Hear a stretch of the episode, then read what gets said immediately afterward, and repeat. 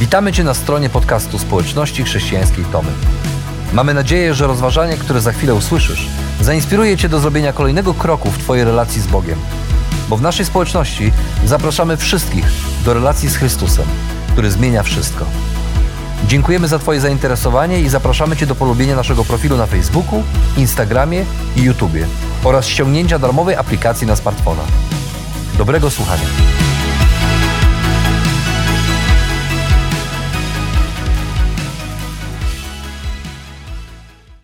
Nikt chyba nie lubi podróbek, bo podróbki mają to do siebie, że niewiele są warte, a dużo kosztują. Ostatnio odkryłem jednak, że Michał Anioł, zanim został wielkim, znanym artystą, był świetnym fałszerzem. I w ten sposób, jako młody człowiek, zarabiał na swoje utrzymanie, że fałszował dzieła wielkich mistrzów. Zresztą nie on był jedyny. Ponieważ w 2007 roku e, w Chicagowskim Instytucie Sztuki odkryto, że jeden z eksponatów, który uważano, że jest oryginałem, czyli figurka fauna, którą e, miał oryginalnie zrobić Paul Gauguin, jest kopią, jest falsyfikatem. Po wielu latach okazało się, że tę figurkę wykonał nie Paul Gauguin, ale młody Brytyjczyk, e, Sean Greenlach, który w ten sposób też zarabiał na życie. On robił podróbki, a jego rodzice je sprzedawali. Taki rodzinny biznes mieli. I ten biznes przyniósł im w sumie e, milion sześćset tysięcy dolarów zysku. A jego podróbki były tak świetne, że znalazły się w muzeach całego świata i sprzedawano je w najsłynniejszych i najważniejszych domach aukcyjnych. I do dzisiaj nie wiadomo, gdzie są, ponieważ ciągle gdzieś krążą. E, jednak całego smaczku tej historii dodaje fakt, że tę rodzinę trudno było wytropić, ponieważ oni nie wyglądali na fałszerzy. Mieszkali całe życie w komunalnym mieszkaniu w robotniczym miasteczku Bolton. Mimo, że mieli fortunę, bardzo skromnie żyli. Ale nikt z nas nie lubi podróbek, ponieważ podróbki mają to do siebie, że dużo kosztują, ale niewiele są warte. Jednak wyobraźcie sobie, jaka musi być frustracja takiego konesera sztuki, który wydaje fortunę, żeby nabyć jakieś dzieło sztuki, a potem odkrywa z przerażeniem, że to jest tylko kopia, że to, co miał i myślał, że jest cenne i wartościowe, tak naprawdę jest niewiele warte. Bo czasami łatwo dać się oszukać, podróbki są bardzo podobne do oryginału, a czasem rozczarowanie jest tym większe, im cenniejszy jest ten oryginał. I podobnie jest z nami. Jako chrześcijanie to, co mam najcenniejszego, to jest nasza osobista relacja z Bogiem, to jest nasza wiara. Ale co jeśli w jakimś momencie miałoby się okazać, że ta moja wiara, o której myślę, że jest prawdziwa, okazuje się być podróbką, niewiele wartą podróbką. Że ta moja relacja z Bogiem, której myślałem, że jest autentyczna, na końcu okazuje się niewiele warta, ponieważ Bóg na samym końcu, jak najlepszy znawca sztuki, stanie i odróżni podróbkę od oryginału. A więc pojawia się pytanie, to w takim razie skąd mogę mieć pewność, że naprawdę znam Jezusa? Skąd mogę wiedzieć, że moja relacja z Nim jest autentyczna? Skąd mogę wiedzieć, że moja wiara jest prawdziwa? Jaki jest test autentyczności mojej wiary? Z podobnymi pytaniami zmagali się adresaci pierwszego listu Jana. I dla nich te pytania były jeszcze bardziej naglące, ponieważ wśród nich pojawili się ludzie, którzy byli fałszywymi nauczycielami, którzy głosili, że oni to naprawdę znają Jezusa. Ich wiara to jest naprawdę najbardziej autentyczna, jak tylko może być. Dlatego właśnie apostoł Jan postanowił napisać do nich kilka słów, aby pokazać, czym jest prawdziwe chrześcijaństwo i kto jest prawdziwym chrześcijaninem. Jan pisze tak. O tym, że go poznaliśmy, upewniamy się przez to, że przestrzegamy jego przykazań. Kto twierdzi, że go poznał, lecz nie przestrzega jego przykazań, ten jest kłamcą, jest daleki od prawdy. Kto jednak zachowuje Jego słowo, w tym Boża miłość rzeczywiście doszła do doskonałości. Dzięki temu przekonujemy się, że jesteśmy w Nim. Kto mówi, że trwa w Nim, powinien postępować tak jak On. I kiedy apostoł Jan pisze swój list, on często posługuje się taką formą dialogu, w pewnym sensie dialogu, ponieważ miejscami zwraca się do swoich oponentów i mówi, kto mówi, że zna Jezusa? No właśnie, wielu ludzi mówi i mówiło, że zna Jezusa. Na przykład Tomek. Tomek, który co niedzielę jest na nabożeństwie, codziennie czyta Biblię, ale który też fascynuje się teologią. czyta książki, które są bardzo ambitne, bardzo trudne i skomplikowane i dzięki temu wie więcej o Jezusie niż inni ludzie. On może myśleć, że zna Jezusa. Inni patrzą na niego, mogą powiedzieć, on zna Jezusa. Albo Agnieszka. Agnieszka w zasadzie znała Jezusa od zawsze, ponieważ wychowała się w chrześcijańskim domu, w chrześcijańskiej rodzinie. Kiedy była jeszcze małą dziewczynką, rodzice zaprowadzają na szkółkę niedzielną, a wieczorami czytali jej historie biblijne. Kiedy miała 7 lat, na obozie podjęła decyzję, aby zaprosić Jezusa do swego serca. Jeśli więc ktoś zna Jezusa, to na pewno ona. To ona zna Jezusa. Albo może Krzysiek. Kiedy był chory, modlił się uzdrowienie i Bóg w cudowny sposób go uzdrowił. I ma wiele dowodów takiego naturalnego działania Boga w swoim życiu. A więc może się wydawać, że jeżeli ktoś zna Jezusa, to właśnie On, bo tego wiele razy doświadczył. I to prawda, że nie ma w tym nic złego, że ktoś studiuje teologię i wie więcej o Jezusie niż inni, albo że ktoś wychował się w chrześcijańskiej rodzinie, w jakimś momencie podjął decyzję, aby poddać swoje życie Jezusowi. Ani w tym, że, że doświadczamy Bożego działania w naturalny sposób. Ale problem polega na tym, że ci oponenci Jana, ci fałszywi nauczyciele, mogli się pochwalić dokładnie tym samym. Oni mówili właśnie, że wiedzą więcej o Jezusie niż inni, że doświadczyli Go bardziej niż inni, że oni też kiedyś podjęli decyzję i są częścią Kościoła, więc znają Jezusa.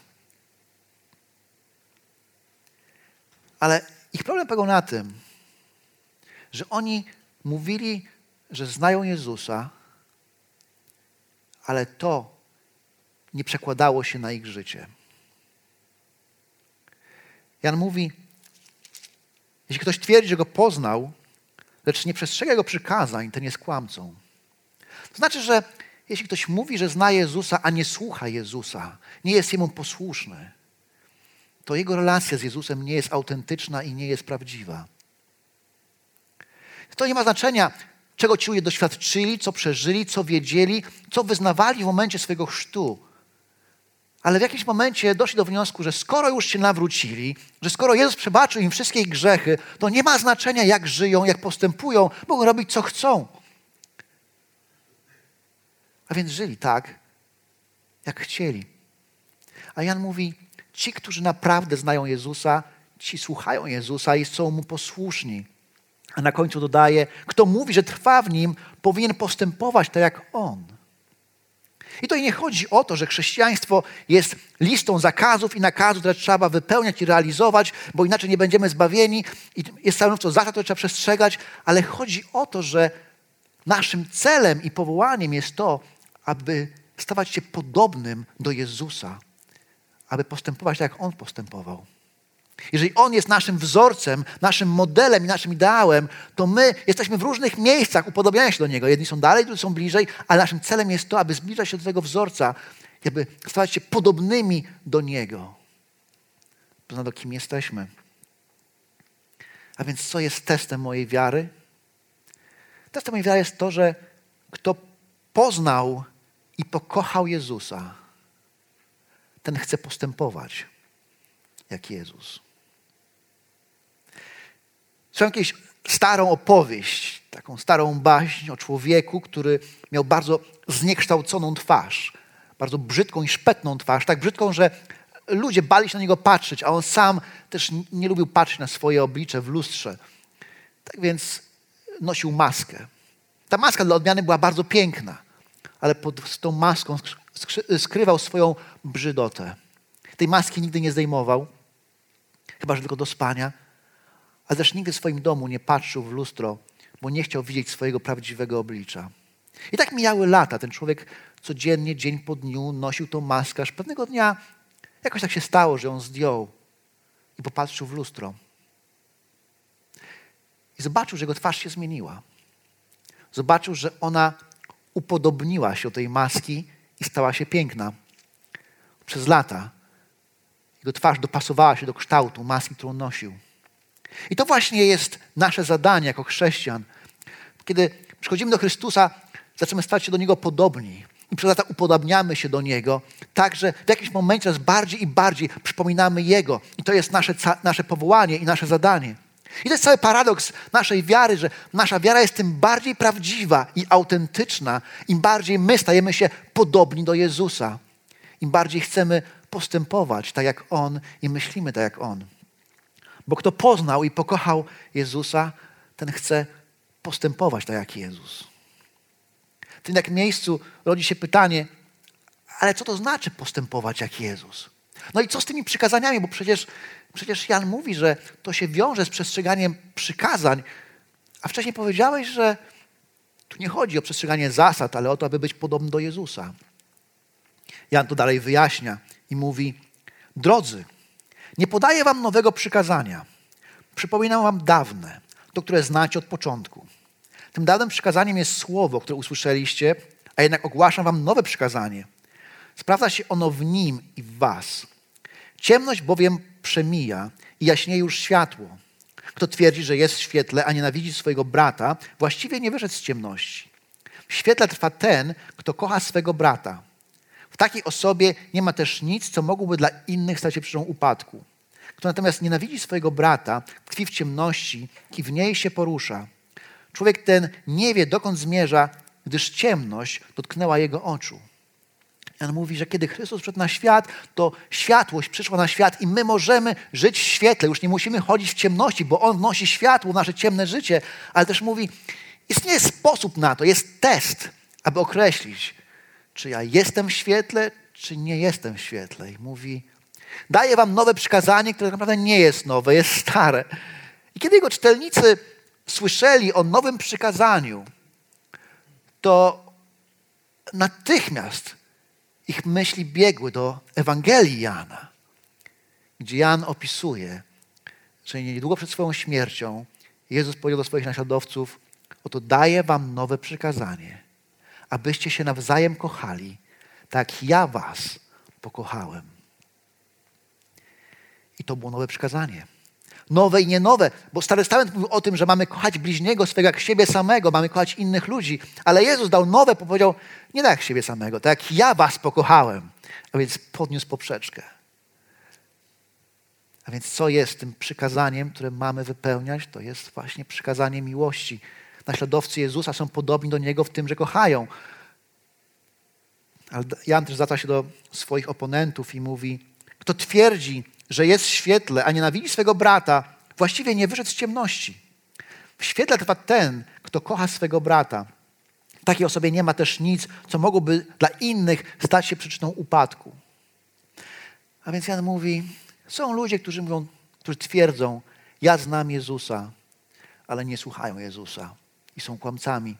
Są ludzie, którzy twierdzą, że są w świetle, ale nie kochają. To znaczy, że tak naprawdę ciągle są w ciemności. Ale ci, którzy są w świetle, wiedzą o tym, że są w świetle, ponieważ kochają innych ludzi. I w ten sposób wypełniają przykazanie Jezusa, w którym tak naprawdę streszczają się wszystkie inne przykazania. A kiedy ktoś kocha, to nie krzywdzi, to nie prowadzi do upadku. Kiedy ktoś kocha, to chce dawać, obdarowywać. A więc powiedzieliśmy sobie, że jeżeli ktoś poznał Jezusa, kto chce postępować tak jak Jezus, a teraz odkrywamy, że kto chce postępować jak Jezus, ten kocha tak jak Jezus i wnosi światło w życie innych ludzi. Tony Kompolo któregoś razu ze swoim synem Bartem pojechali na e, podróż misyjną do Haiti. Jego syn miał wtedy 17 lat i kiedy wyszli z samolotu i szli ulicami miasteczka, to było takie biedne, ubogie miasteczko, otoczyła ich grupa dzieci, wygłodzonych, biednych dzieci, które żebrały o jakieś drobniaki, prosiły ich o pieniądze. I Tony, będąc bardziej doświadczony w takich sytuacjach, mówi, nic im nie dawaj, bo jak dasz im cokolwiek, to będą tak cię długo męczyć, aż wyduszą z ciebie ostatniego centa. A jego syn popatrzył na niego, mówi, no i w czym problem? A on popatrzył swojego syna, na Barta i pomyślał, no faktycznie. W czym problem? Że damy im wszystkie swoje drobniaki i to, co mamy w kieszeniach. I uświadomił sobie, że na tym właśnie polega prawdziwa miłość. Prawdziwa miłość wyraża się w działaniu. Prawdziwa miłość daje. Bo kto chce postępować jak Jezus, ten kocha jak Jezus i wnosi światło w życie innych. Tu jednak pojawia się pewien problem, ponieważ my wiemy, że powinniśmy kochać i chcemy kochać innych ludzi, ale czasem tak jest, że e, kochamy nie to, co trzeba. I nasze serca przywiązują się nie do tego, co trzeba. Dlatego, gdybyśmy czytali ten tekst i przeskoczyli na końcówkę tego, co Jan mówi, co Jan pisze, to odkrylibyśmy, że pisze tak. Nie kochajcie świata, ani tego, co go napędza. Jeśli ktoś darzy miłością świat, nie ma w nim miłości Ojca. Bo wszystko, co steruje światem, rządze ciała, rządze oczu oraz pycha życia, nie pochodzi od Ojca. To należy do świata. Świat natomiast przemija, a wraz z nim jego rządze. Ten zaś, kto pełni wolę Boga, trwa na wieki. A więc Jan mówi, jest taki rodzaj miłości, którego nie powinniśmy mieć i są rzeczy, których nie powinniśmy kochać. Mówi, nie kochajcie tego świata. I kiedy mówi, nie kochajcie świata, to nie ma na myśli, nie kochajcie ludzi, bo przecież wcześniej pisał, że ich powinniśmy właśnie kochać. I też nie ma na myśli to, że nie kochajcie świata w sensie tej planety, ziemi, ponieważ to Bóg stworzył świat przecież, a Chrystus umierając też odkupił ten świat i pewnego dnia zobaczymy go takim, jakim Bóg chce go widzieć. Ale kiedy Jan mówi, nie kochajcie tego świata, ani tego, co jest na świecie, to ma na myśli tego porządku, który istnieje na tym świecie, zła, które jest, pewnego sposobu myślenia, systemu wartości, który jest na świecie. I to, co ten świat napełnia, czyli rządza ciała, rządza oczu oraz pycha życia. A te cechy, gdybyśmy je, te rządze, gdybyśmy je próbowali podsumować, to one są bardzo podobne do siebie bo one wszystkie skupiają się na mnie. Ja czegoś pragnę, czegoś chcę i muszę to mieć. Coś widzę i muszę to mieć. Chcę więcej dla siebie. Chcę, aby moje życie było lepsze. Chcę realizować swoje cele, swoje ambicje. I jeżeli miłość wyraża się w tym, że miłość działa, miłość obdarowuje, miłość szuka dobra innych ludzi, to pycha życia, rządza ciała, rządza oczu sprawia, że ja chcę dla siebie, ja zagarniam. Skupiam się na samym sobie, na swoich pragnieniach, na swoich potrzebach, na tym, czego ja chcę. To ja jestem w centrum. I efekt jest taki, że mogę zacząć kochać to, co jest niewarte kochania. Kiedyś Sofia Loren płakała z powodu tego, że ktoś ukradł jej cenne klejnoty, jej biżuterię. A jej przyjaciel, też znany, znany reżyser, mówi do niej: Sofia, Jestem od ciebie starszy i mądrzejszy. I jeśli cokolwiek wiem o życiu, to to, że nigdy nie płacz za czymś, co nie będzie płakało za tobą. Są rzeczy, którymi nie warto płakać, bo za nami nie będą płakać. A Jan też mówi to mocniej. Są rzeczy, którymi nie warto płakać i nie warto ich kochać, bo są przemijające. A ci, którzy je pokochają, przeminą razem z nimi. Jan mówi, jeżeli pokochasz to, co jest niewarte kochania, jeżeli podasz swoje życie, jeżeli podamy swoje życie swoim pragnieniom zamiast Bogu, to przeminiemy wraz z, tymi, z tym, co żeśmy pokochali.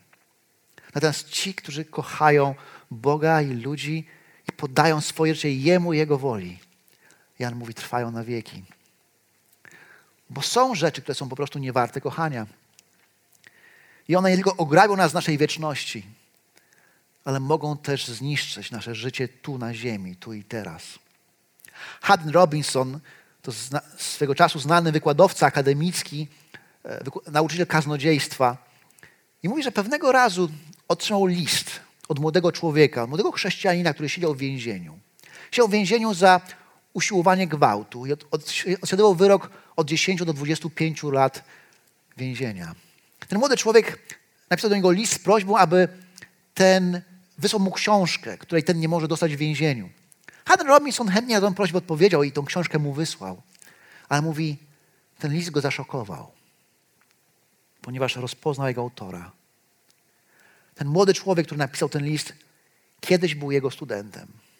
I Haddon Robinson mówi, on był dobrym studentem teologii. Jednym z najzdolniejszych, najbardziej pilnych. Potem skończył studia, był niezwykle obdarowany, utalentowany, Zaczął pracę w kościele, był pastorem dużego kościoła. Wygłaszał kazania. Kiedy ludzie słuchali tych kazań, mieli poczucie, że, że sam Bóg do nich mówi. Ale w jakimś momencie swojego życia zaczął kochać to, czego nie powinien kochać, zaczął słuchać głosu Boga, zaczął słuchać głosu swoich pragnień. I to doprowadziło go do tego, że zamiast wskazywać ludziom drogę do Boga, to gotów był skrzywdzić drugą osobę. Bo są rzeczy, które są po prostu niewarte kochania. A jeśli je pokochasz, to zniszczą ciebie i twoją wieczność. A więc, kiedy wsłuchujemy się w ten tekst i zadajemy sobie pytanie, co jest testem mojej wiary, to odkrywamy, że kto kocha jak Jezus, ten nie kocha tego, co nie warte kochania, bo przemijające.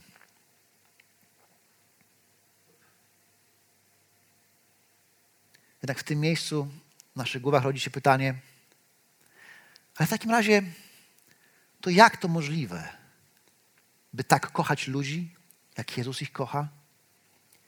I nie kochać tego, co jest niewarte kochania. Co mogę zrobić, aby tak żyć? Jak wykrzesać z siebie taką miłość i taką samodyscyplinę, aby powiedzieć nie rzeczom, którym powinienem powiedzieć nie? Jak mogę to osiągnąć, żeby to stało się częścią mojego życia, bo to jest przecież niemożliwe dla nas? I Jan odpowiada na to pytanie. Na początku tego tekstu mówił o tym, co warto kochać, na końcu o tym, czego nie warto kochać, a w samym środku pokazuje nam, jak to jest możliwe. W samym środku tego tekstu znajdujemy taki hymn, który mówi tak. Piszę do was dzieci, gdyż ze względu na Jego imię dostąpiliście przebaczenia grzechów. Piszę do was ojcowie, gdyż poznaliście tego, który jest od początku. Piszę do was młodzi, gdyż zwyciężyliście złego. Napisałem do was dzieci, gdyż poznaliście Ojca. Napisałem do was ojcowie, gdyż poznaliście tego, który jest od początku. Napisałem do was młodzi, gdyż jesteście mocni i trwa w was Słowo Boże i zwyciężyliście złego. To jest serce tego tekstu.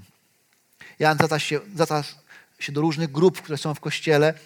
Niektórzy myślą, że to są grupy wiekowe, że dzieci, młodzież i starsi, ale też mogą to być grupy ludzi, którzy są na różnym etapie swojego chrześcijańskiego rozwoju. I piszę do was dzieci, do tych, którzy zaczynacie, Jezus przebaczył wasze grzechy. Piszę do was młodzi, młodzież, wy jesteście silni i mocni, wiecie jak pokonać zło. I piszę do was ojcowie, wy znacie tego, który jest od początku, znacie Ojca. I to, co jest ciekawe, on mówi, wy już doświadczyliście, bo on posługuje się czasem przeszłym. Mówi, wasze grzechy były przebaczone, zostały przebaczone. Poznaliście tego, który jest od początku. Pokonaliście zło.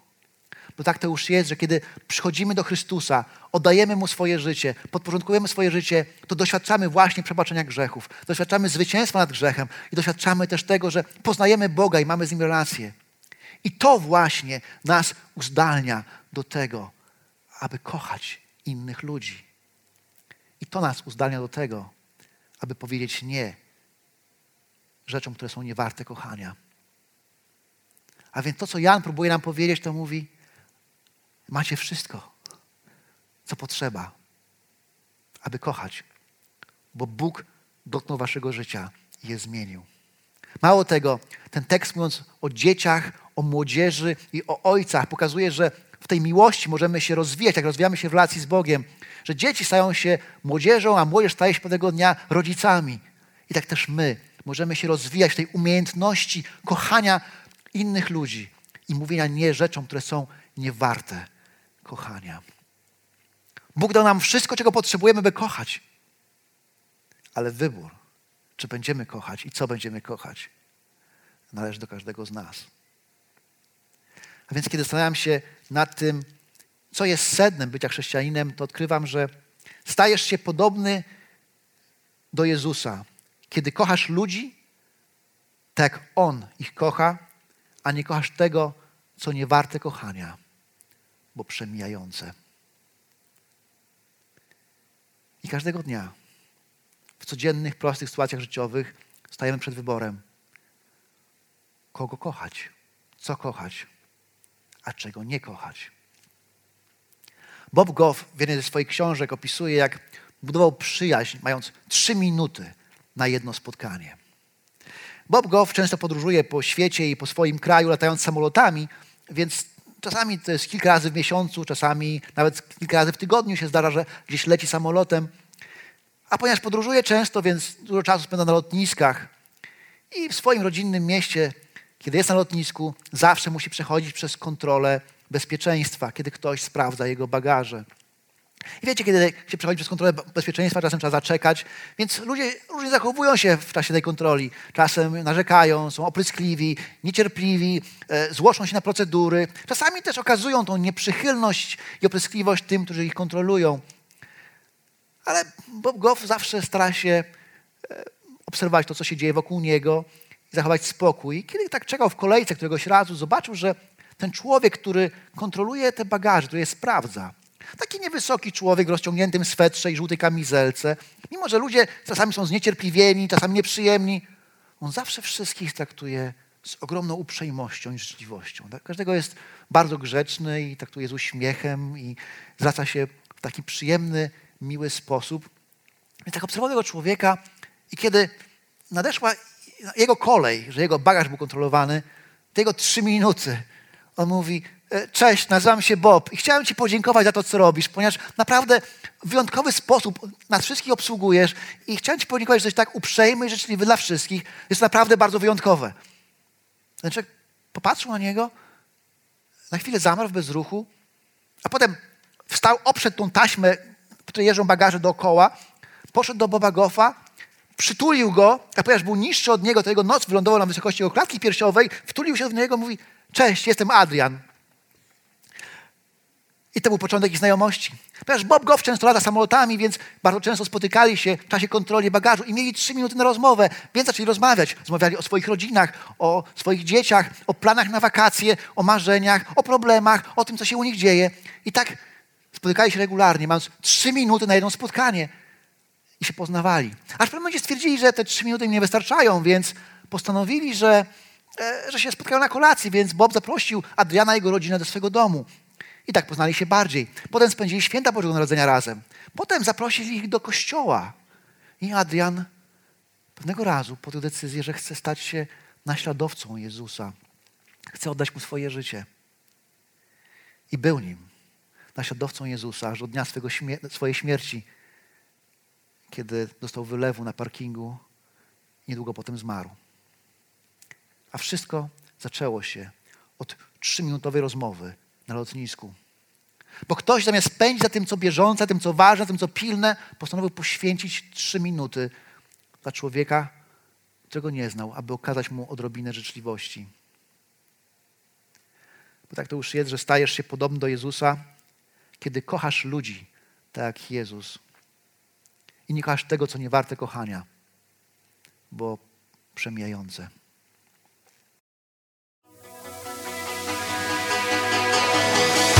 Jeszcze raz dziękujemy za wysłuchanie naszego rozważania. Jeżeli mieszkasz w okolicach Tomaszowa Mazowieckiego lub Łodzi, zapraszamy Cię do odwiedzenia nas na niedzielnym nabożeństwie. Więcej informacji znajdziesz na stronie schatomy.pl.